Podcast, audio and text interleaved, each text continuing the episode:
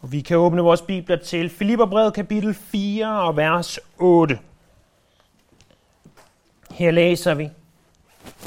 I øvrigt, brødre, alt hvad der er sandt, alt hvad der er ædelt, alt hvad der er ret, alt hvad der er rent, hvad der er værd at elske, hvad der er værd at tale godt om. Kort sagt, det gode, det rusværdige, det skal I lægge jer på scene. Hvad I har lært at tage imod og hørt og set hos mig, det skal I gøre. Og fredens Gud vil være med jer. Det, hvor vi begynder i dag, det er i slutningen af vers 8, hvor Paulus han skriver til menigheden i Filippi. Det skal I lægge jer på sinde. Som i så mange andre tilfælde, så er det skal I lægge jer på sinde et eneste græsk ord. Logitsomai, for de, der måtte være interesseret. Hvor vi får ordet logik. Øh, det betyder at overveje noget grundigt. Øh, men, men egentlig synes jeg, at den danske oversættelse af 92 er ganske god. Øh, den, den gengiver egentlig ganske godt, hvad ordet betyder. I 1992 oversatte man det som at lægge sig noget på sinde. Problemet er så bare, om vi egentlig ved, hvad den danske sætning, det danske udtryk, egentlig betyder. Øh, jeg havde en god idé om det, men for at være lidt mere sikker, slår jeg det op. Og ordnet.dk, som er øh, en ganske, ganske god ordbog, der definerer både nutidige og gamle danske ord, definerer udtrykket således. Altså udtrykket at lægge, lægge sig noget på sinde. Det betyder, siger de, at få nogen til at tage noget alvorligt eller anse det for betydningsfuldt. Så øh, jeg kunne tage min sag. Det kunne være en, en politisk sag. Øh, det kunne være en, en øh, godgørende sag. Og, og så kunne jeg sige, øh, jeg ønsker, at du skal tage det her alvorligt. Øh, prøv at høre, hvordan børn i Afrika sulter, eller øh, prøv at høre, hvordan kvinder i øh, Asien er undertrykt, og, og forstå, hvor betydningsfuldt det her er.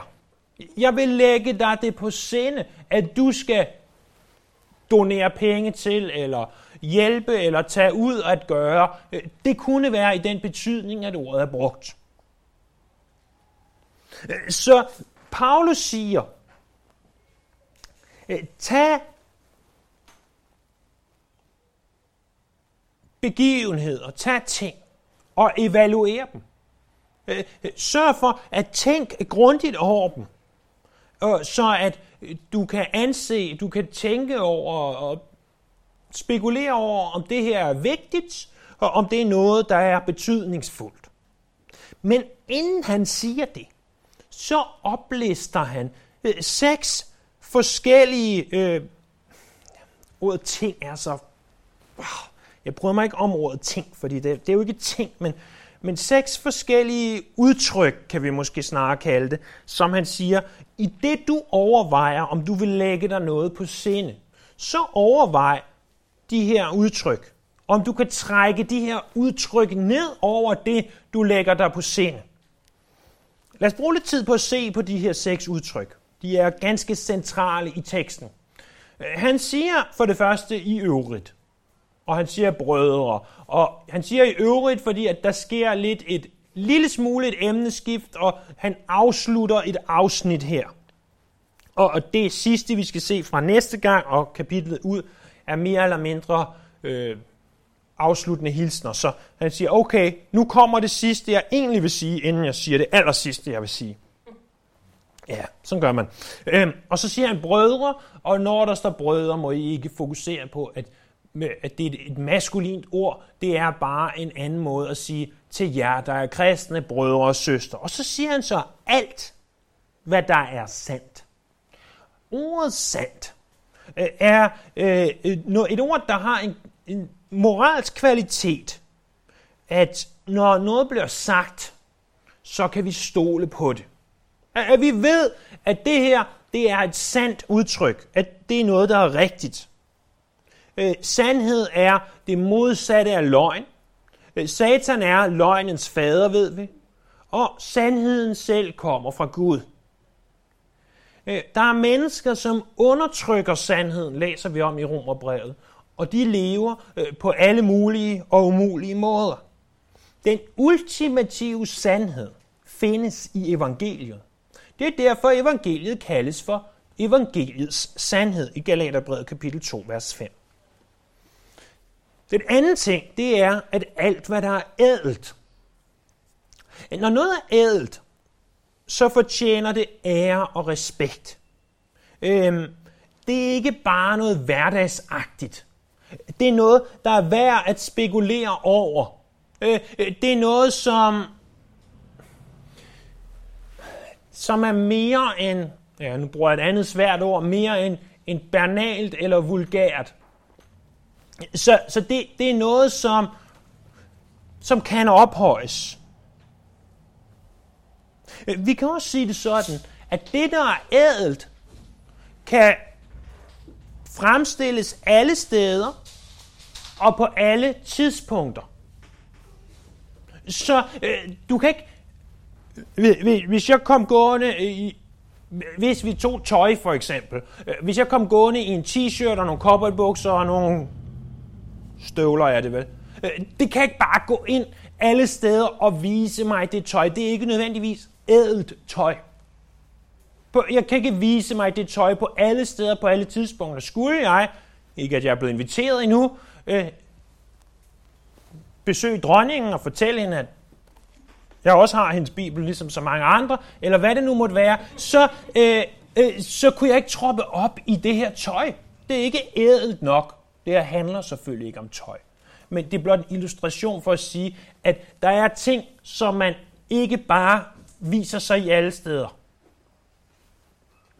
Eller som man ikke gør alle steder. Det, det er noget, som vi kunne fremstilles alle steder på alle tidspunkter. Det er ikke sådan, der vil være nogen, der sidder og tænker, åh oh, nej, åh oh, nej, åh oh, nej, åh oh, nej. Øh, vi kunne også tage sådan noget som en, en vidighed. At der er visse vidigheder, som man ikke fortæller i alle sammenhænge. Jeg taler ikke om de sjofle og forkerte vidigheder, som man selvfølgelig ikke fortæller i nogen sammenhænge. Men, men der kan stadigvæk være vidigheder, som måske kan være sjove, og som kan have en god pointe, men som man ikke nævner alle steder. Øh, af forskellige årsager. Det tredje, de siger, det er, eller Paulus skriver, det er alt, hvad der er ret. Det skal naturligvis først og fremmest ses i forhold til Guds standarder. Øh, der er, når der taler om ret, altså retfærdigt, er det er jo det modsatte af det, der er uretfærdigt. Vi kan også lægge i ordet at gøre det rette. Hmm, at gøre det rette kunne være, at du sidder i en bus, jeg ved ikke hvorfor, men du sidder i en bus, og pludselig kommer der en gravid kvinde ind i bussen, og, og du har en sædeplads, du rejser dig op og giver den gravide kvinde pladsen. Det er ret at gøre. Øh, det er det rigtige at gøre. Det, det er det, der ligger i ordet. Vi taler ikke om den specifikke handling, men det får at illustrere, hvad ordet betyder. At gøre det rigtige på det rigtige tidspunkt. Øh, alt, hvad der er rent, er det fjerde. Det her ord rent, det var et ord, man brugte i templerne, ikke specifikt det jødiske tempel, men i templer generelt set. Øh, det var om et offer, som var rent, eller som var egnet til at kunne bringe frem for guderne. Og, og hvis et offer ikke var rent, så kunne det ikke bringes.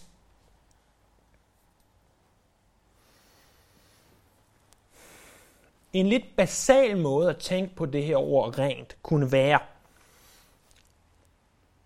at hvis du kom med dit offer til Gud, så, så skulle det have en vis renhed, fordi du vil gerne, at Gud skulle se det her offer.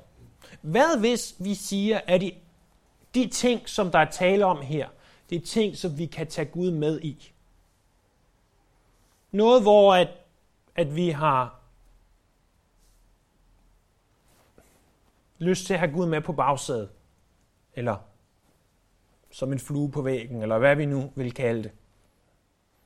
At det er ting, hvor at, at det, er, det er rent. Det er også værd at elske, nummer 5. Øhm, det er det, som anses for prisværdigt, Og en har udtrykt det sådan, at når noget er værd at elske, det, der Vi kan tale om alt lige fra en af Beethovens symfonier, siger han, øh, til moder Teresas arbejde i Calcutta blandt de fattige. At det er noget, som man tænker, okay, det, det kan godt være, at der ikke er noget specifikt kristent over det her. Det kan også være, der er. Øh, og det er ikke det, jeg udtaler mig om, når jeg taler om Beethoven eller moder Teresa. Men der er noget elskværdigt i det. Der, der er noget, som er, er fundamentalt elskeligt i det, som de her mennesker gjorde eller producerede. Vi kunne også se ordet at være det elske i den, på den her måde, at frembringer det kærlighed i dig? Eller frembringer det had? Og så er det for det sidste og sjette også værd at tale godt om. Øh, det her det er et ord, som kun fremkommer her i den græske bibel. Og måske den bedste måde at forstå udtrykket på er, når du tænker på en specifik handling eller en specifik tanke, vil det så gøre, at andre taler godt om dig, hvis de fik at vide, at du tænkte den tanke? Vil, vil det gøre, at øhm, du støtte folk væk, eller vil det gøre, at du tiltræk folk med den her tanke? Og, og det er så de seks ting, som han siger, alt hvad der er. Han opsummerer det så ved at sige kort sagt, hvilket ikke er der er på det originale, men han siger, det gode og det rusværdige. Og det er en anden måde at sige, det er ekstraordinært. Det, der fortjener vores tid og vores øh, energi. Det, som kan værdsættes, det, som kan beundres, det, som kan roses. De ting. Hvad er så betydningen af det her? Når vi studerer Bibelen, og det her det er noget, som hver af os kan bruge, uanset om vi øh, studerer den på dansk eller engelsk, eller hvad vi gør, så led altid efter det, som er udsagsordet i sætningen. Og det kan være sværere, end man tror.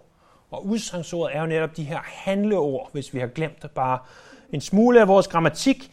Øhm, jeg har været nødt til at lære grammatik for at at kunne gøre det, jeg gør. Jeg har ikke haft forstået grammatik ordentligt. Jeg har brugt grammatik, men jeg har ikke forstået grammatik ordentligt, før jeg begyndte at studere Bibelen. Men, men kig efter de her ord. Og, og sige, hvad er det ord, der handles på her? Og det ord, der handles på i det her vers, det er det, at I skal lægge jer det på scene. Det er det, der er den centrale tanke i sætningen, i verset. I skal lægge noget på scene gennem dagen, hvad er det, vi skal tænke på? Hvad er det, vi skal øh, grunde på? Hvad er det, vi skal spekulere over? Igennem dagen, når, når vi, fra vi stopper om morgenen til vi går i seng om aftenen, der kører mange, mange, mange, mange tanker igennem vores hoved. Der er masser af indtryk, vi udsættes for, lige fra reklamerne på busstopstederne, øh, til de ting, der måtte være i fjernsynet, eller radioen, eller på vores arbejdsplads, eller øh, dumpe ind af vores postkasse, og øh, alle mulige ting. Og masser af de ting øh, er ikke specielt sande, eller ædle, eller rette osv. Hvordan skal vi forholde os til det? Og i det at tænke lidt over det her, så tag en ting, som i sig selv ikke nødvendigvis er forkert eller rigtig, efter min overbevisning. Øh, og jeg spekulerede, spekulerede, spekulerede. Hvad kunne det være? Kunne det være, når vi gik ned og handlede i Netto, eller Bilka, eller Rema 1000, eller hvor vi handler? Det, det er der jo ikke... Det, det, er jo en, det er jo en streng nødvendighed. Vi bruger hovedet og tænker, jeg vil have det til den bedste pris, jeg skal huske at købe det rigtige, jeg skal sørge for at købe sundt, og ikke for meget, og ikke for lidt, og så videre. Der bruger vi vores tanker. Og, og det, det kunne helt sikkert være et eksempel. Så tænker jeg på et andet eksempel, som mange af os, øh, nogen mere end andre, vil kunne relatere til. Det er sådan noget som et brætspil. Øh, et brætspil er ikke, synes jeg, efter min overbevisning, i sig selv, det er ikke i sig selv forkert. Lad os tage øh, måske det mest klassiske brætspil, som, som de fleste af os øh, kender og formodentlig har spillet. Sådan et spil som Matador. Det kan være ondt, øh, det er jeg med på. Det kan være ledt, og det kan frembringe store, store følelser. Det er jeg helt med på. Men for de fleste af os, jeg ved godt, at nogen har større spillegen end andre, men for de fleste af os, i det vi spiller, så engagerer vi os. der sidder en nede bagved der griner, fordi han ikke altid engagerer sig helt så meget som, som os andre. Øh, men øh, når vi har haft spillet spil med René, så det er ikke Renés øh, mest øh, spændende ting, han kan foretage sig. Og al respekt for det, og jeg har aldrig spillet Massador med René. Øhm, men, men vi engagerer os, og vi synes, det er sjovt, og det er interessant, og øh, de fleste af os har også en ambition om at vinde spillet. Derfor spiller vi, og, og de fleste gange, måske ikke så meget med Matador som med andre spil, men de fleste gange har vi det også hyggeligt med vores familie, når vi har råbt og skrædet os, åh, det er også uretfærdigt, at jeg lander på Rådhuspladsen og skal betale dig 40.000 kroner for at bo i dit lille skodgrønne hotel, eller røde, eller hvad farve det er, hotel, og det er også uretfærdigt, og vi har kastet brækkerne hen over bordet og alle mulige andre ting. Og masser af følelser involveret. Der, der er masser i det, der ikke er ædelt og ret, og måske dårligt nok rent, og slet ikke værd at elske, og alt muligt andet. Men her bruger vi 1, 2, 3, 7 timer, eller hvad sådan et matadorspil tager. Så er det slut. Så rejser vi os, og når vi har fået råbt af, ikke af hinanden selvfølgelig, vi er jo kristne trods alt, men når vi har fået råbt ud i øh, over marken eller skoven og sagt, åh, hvorfor skulle jeg også tabe, eller jublet, fordi vi vandt, så glemmer vi det. Og så spekulerer vi ikke længere over det. Så optager det ikke længere vores tanker så er det ikke længere noget, som vi ligger vågen om natten og tænker, åh, hvis jeg dog bare havde slået en sekser i stedet for en syver, så havde jeg vundet Matador-spil. Vi ved jo godt, det er ligegyldigt. Bedøvende ligegyldigt. Det, det var to eller tre gode timer tilbragt med vores familie i, i, i en eller anden jeg vil ikke sige ligegyldig aktivitet, for det var tid tilbragt sammen med vores familie. Vi kunne tage masser af andre lignende eksempler. Øh, vi kunne tage en øh, fodboldkamp, eller en golfkamp, eller en, for den sags skyld, øh, på nogen måder i hvert fald en gåtur i skoven. Øh, selvfølgelig ved jeg godt, at I går, på en gåtur i skoven kunne vi spekulere over Guds skaberværk øh, og, og så videre. Men tag alle de her ting, vi kunne finde på at lave sammen som familie og venner. De, de er ikke i sig selv rene og prisværdige og slet ikke ædle og så videre. Jeg ved ikke, om jeg vil sige, at de er passive. Men de kan godt gå hen og blive forkerte selvfølgelig. Jeg siger langt fra, at alt er rigtigt. Du, øh, vi husker måske 100 år til, vi ikke nogen af os husker, men vi tænker 100 år tilbage i tiden, hvor at, at, øh, at især i i indre missionskredse og så videre, at man forbød kortspil. Fordi, ikke fordi at kortspil i sig selv var en synd. Øh, at sidde og spille fisk med sine børn, tvivler jeg på, at Gud vil se på som en synd.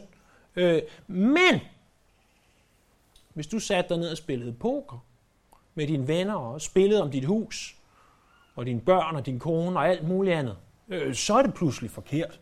Så er det direkte en synd at gøre ting og gamble med andre folks liv. Det, det er naturligvis ikke rigtigt. Så selvfølgelig kan ting vendes til, at det bliver forkert. Det er jo ikke anderledes end valmuen. Valmuen er jo ikke sig selv forkert, det er noget Gud har skabt. Men hvis du gør det forkerte ved den, øh, så kan det blive til noget, som er et narkotikum. Vi kan godt tage ting, som bare er, og så gøre det til noget, som vi lægger alt for meget ind på. Og hvem af os har ikke også prøvet det? At tage en hobby og overgøre den hobby, således at det går ud over vores øh, børn eller ægtefæller eller vores arbejde osv. Er, er det ikke noget, som for de fleste af os på et eller andet tidspunkt i vores liv er noget, som, som vi måske har prøvet? Det er ikke fordi, det er forkert at have en hobby. Det er ikke fordi, det er forkert at spille Matador. Men hvis Matador-spillet gjorde, at du i dagevis gik og var bitter over, at du slog den her syver i stedet for en sekser, og du råbte og skreg af din familie bagefter, så lad dog være med at spille Matador. Okay, så er det sagt. Men inden vi begynder at gå hverken Matador eller kortspil eller hobbies eller alt for meget i den, så prøv at se, hvad det er, der egentlig står her. Der står jo ikke, hvad det er, vi ikke skal gøre. Der står faktisk, hvad det er, vi skal gøre. Der står, at vi skal tage og lægge os noget på sinde. Der står ikke, at I skal ikke gå ud og gøre alt det, der er banalt og så videre. Der står bare, at det, som er godt, det er det, I skal lægge jer på sind. Så måden, som jeg tror, at det her først og fremmest skal tages på, det er, at de ting, som er sande, edle, rette, rene, værd elsker, værd tale godt om, kort sagt det gode og det rosværdige, det er der, at vi virkelig skal sætte vores tankekapacitet ind. Det er der, når vi ligger vågen om natten. Lad dog være med at spekulere over det åndssvage matadorspil. Sæt dine tanker på Jesus. For er han ikke ultimativt den, der er sand og edel og ret og ren, hvert elsker og hvert tale godt om? Er han ikke den gode og den rusværdige? Grund over ordet, og det at grunde, det er jo sådan et gammelt ord, som man i dag nok bare vil oversætte med meditere. Problemet er bare, at ordet meditere har en ganske negativ klang i kristne kredse, fordi når vi tænker på meditere, sidder vi og tænker på nogen, som siger nogle mærkelige lyde, og som tømmer deres tanker. Det er slet ikke det, der menes. Med et grunde menes der de, der fylder deres tanker med Guds ord. De, der fylder deres tanker med Jesus. De, der tænker dybt over de ting, der handler om Gud.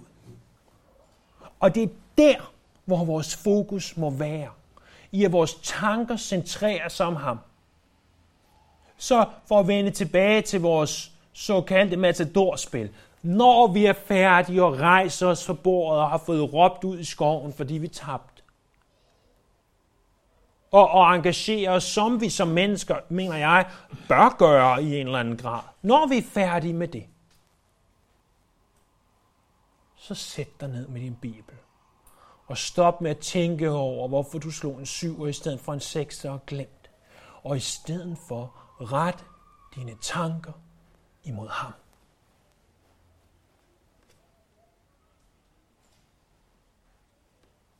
Det er der, vores tanker skal være.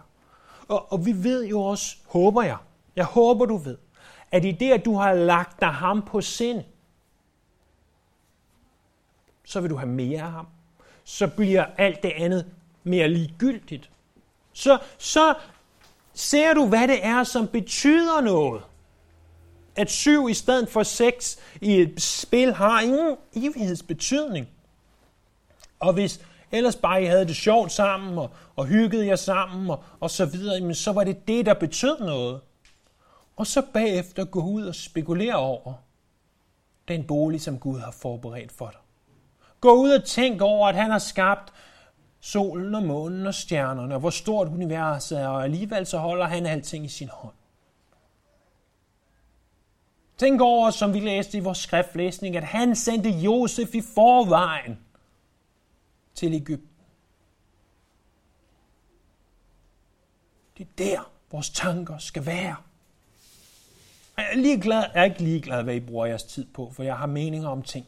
Men det betyder knap så meget, hvad, hvad vi bruger noget af vores tid på. Om det er matador, eller om det er et, en fodboldkamp, eller hvad det er. Det betyder knap så meget, som at vi også bruger tid på, og at vores tanker først og fremmest centrerer sig om det, og tage hele listen af det, som jo ultimativt findes i Jesus Kristus. Det er det, som Paulus kalder, eller jeg kalder, som en opsummering af det, Paulus siger, vil jeg hellere sige, at have de rette tanker. Men godt at have de rette tanker. Godt at tænke på Jesus. Men hvis det ikke påvirker dit liv, hvad så? Fordi når jeg står op om morgenen, de fleste morgener, i hvert fald øh, der, hvor at, at Lisa afleverer børnene, så er der ganske mørkt i vores øh, hus. Og jeg tænder så lidt lys som muligt, og øh, prøver på, selvom jeg ikke er specielt god til det, at snige mig ud af døren og øh, komme afsted uden at vække hele huset. Men havde jeg nu muligheden for at tænde lyset og se mig i spejlet, så ville jeg nogle gange se, at okay, det kunne være, at jeg burde have gået i bad. Eller lige have gjort sådan her i det mindste, eller sådan her, eller hvad jeg nu kunne gøre. Men kender vi ikke alle sammen det, at vi ser os i spejlet, og så kigger vi, og så kører vi videre. Vi tænker ikke over, øh, hvorfor vi havde en stor, stor sort streg i panden, og vi får den ikke vasket væk. Eller noget, jeg rigtig tit gør. Jeg kigger på klokken, så når den er sådan og sådan, så to minutter senere tænker jeg, kan vide, hvad klokken er? Jeg er godt klar over, at der nok højst er gået et par minutter. Men om den er kvart over 11, eller om den er 17 minutter over 11, medmindre jeg skal noget 18 minutter over 11, så er det nok lidt ligegyldigt. Men jeg har simpelthen glemt, hvad klokken er.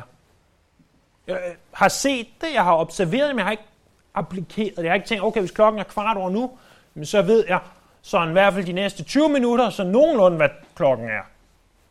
Nok til, at jeg ikke behøver at kigge igen om to minutter. Jeg ved ikke, om det kun er mig, der har det sådan, men, men det gør jeg i hvert fald oftere, end jeg nok egentlig har lyst til at indrømme. Det er det, det vil svare til, at have de rette tanker, men ikke have de rette handlinger. Og det er det, som Paulus skriver om i vers 8. Han siger, det som I har lært og taget imod, og I har hørt og set hos mig. Og så kommer verbet eller udsagsordet. Det skal I gøre. Det skal I gøre. Øh, han siger, I, I skal have den rette lære. I har lært og modtaget noget, det kan vi tage under en hat, og sige, Øh, I har siddet ned og hørt en prædiken. I har hørt bibelundervisning. I har læst i jeres bibler. Men I har også modtaget det. Øh, I har haft en åben bibel, og det håber jeg, du har. Jeg håber, du kommer med en åben bibel. Men jeg håber også, at du har et åbent sind. Et sind, der er villigt til at lære.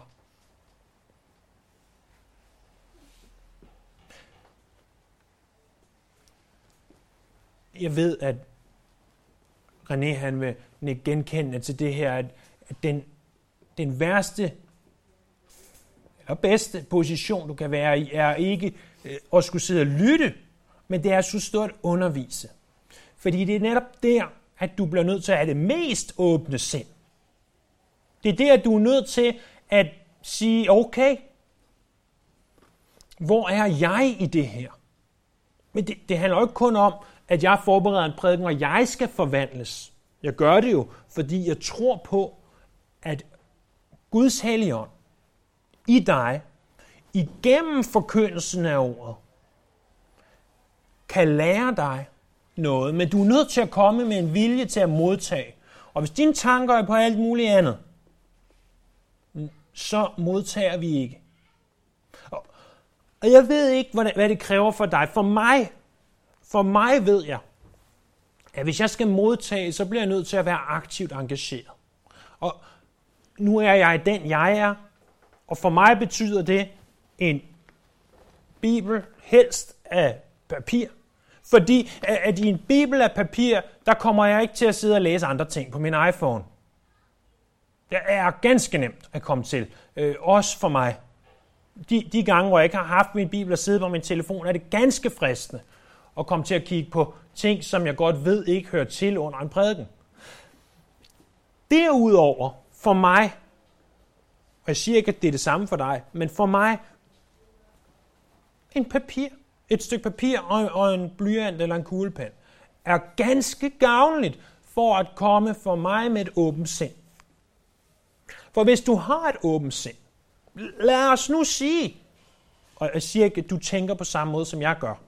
En anekdote for det virkelige liv er, at øh, da, da René og jeg for mange, mange, mange år siden snart først mødte hinanden, der mente René ikke, at, at der var nogen grund til, at når man underviste, at man havde en bibel, fordi at man behøvede ikke følge med, altså han underviste, men når jeg underviste, for han, kunne, han lyttede bedre, end han så indtil jeg fik ham overbevist om, det var altså nok en ret god idé at følge med, fordi nogle gange så læste prædikanten forkert, eller bare for at huske det bedre. Og, og de her ting, det, det er jo for at huske det bedre. Undskyld, jeg skyder på dig i dag, René. Øh, men jeg ved, at du kan klare det. Jeg, jeg ved, at du ved, jeg mener, at det er en god mening. Men, men i mit tilfælde, der ved jeg, at hvis jeg sidder med, med en kuglepen og et stykke papir, mm, så kan jeg skrive de ting ned, som jeg gerne vil huske. Og jeg får det langt fra altid gjort, men jeg ved også, at når jeg gør det, så giver det mig mere.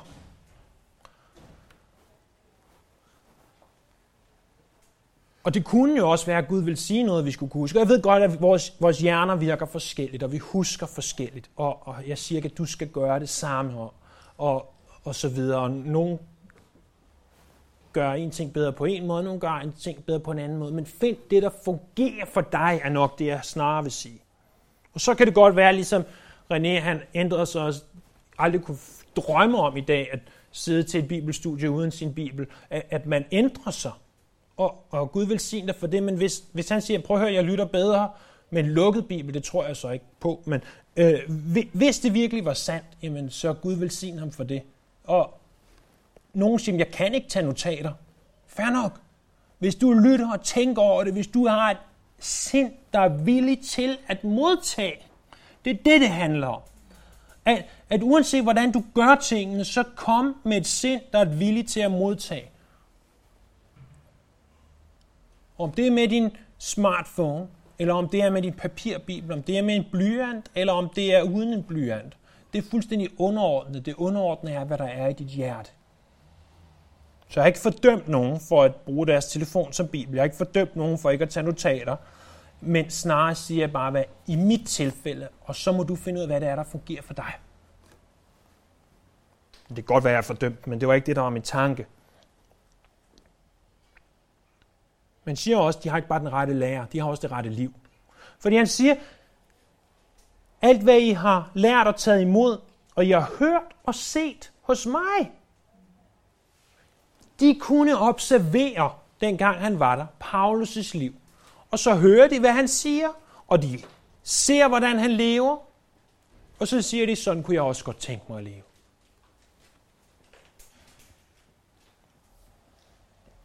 Paulus var en mand, der tænkte de rette tanker, men han gjorde også de rette handlinger.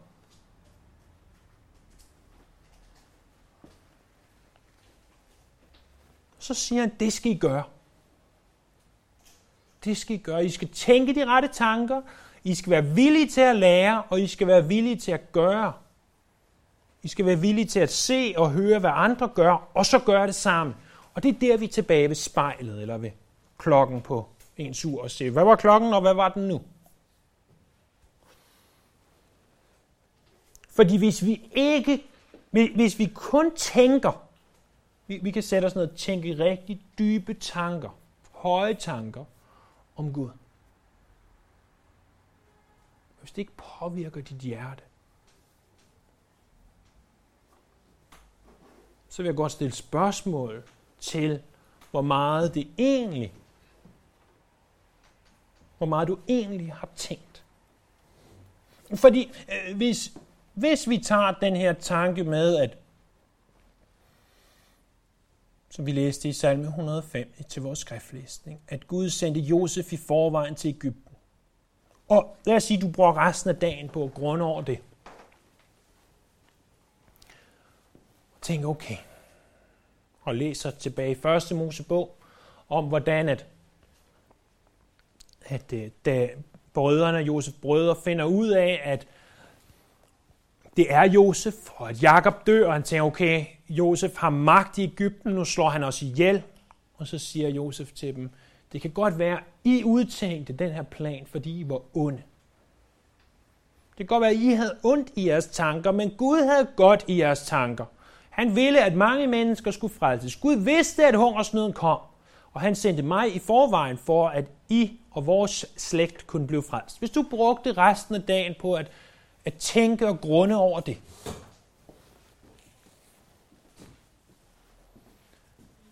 så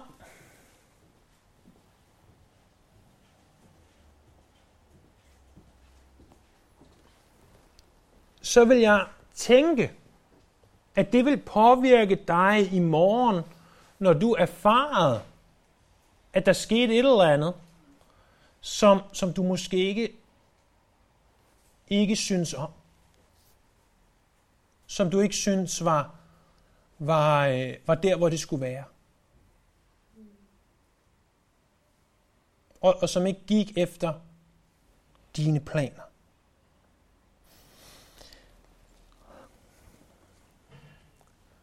Paulus siger, at resultatet af det her er, at fredens Gud vil være med jer.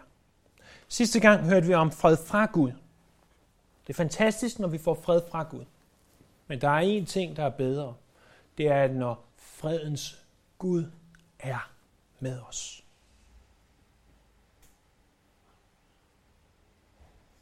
Det er, fordi Gud selv er med os. I det vi tænker de rette tanker, og i det vi gør de rette handlinger. Lad os bede sammen. Herre, tak, at, at du nu og i dag ønsker, at vi skal tænke høje tanker om dig. Må vi gøre det i det, vi lever vores liv. I det, vi fortsætter igennem vores hverdag. Og i det, vi, øh, vi ønsker at, at tilbede dig med alt, hvad vi er. Hjælp os til at prioritere her på, hvad der er, er vigtigt og ret og forkert. Lad os se synd, når det er synd. Men endnu vigtigere, Herre, øh, lad os se dig først og fremmest. Vi tilbeder dig, vi ærer dig, og vi priser dig.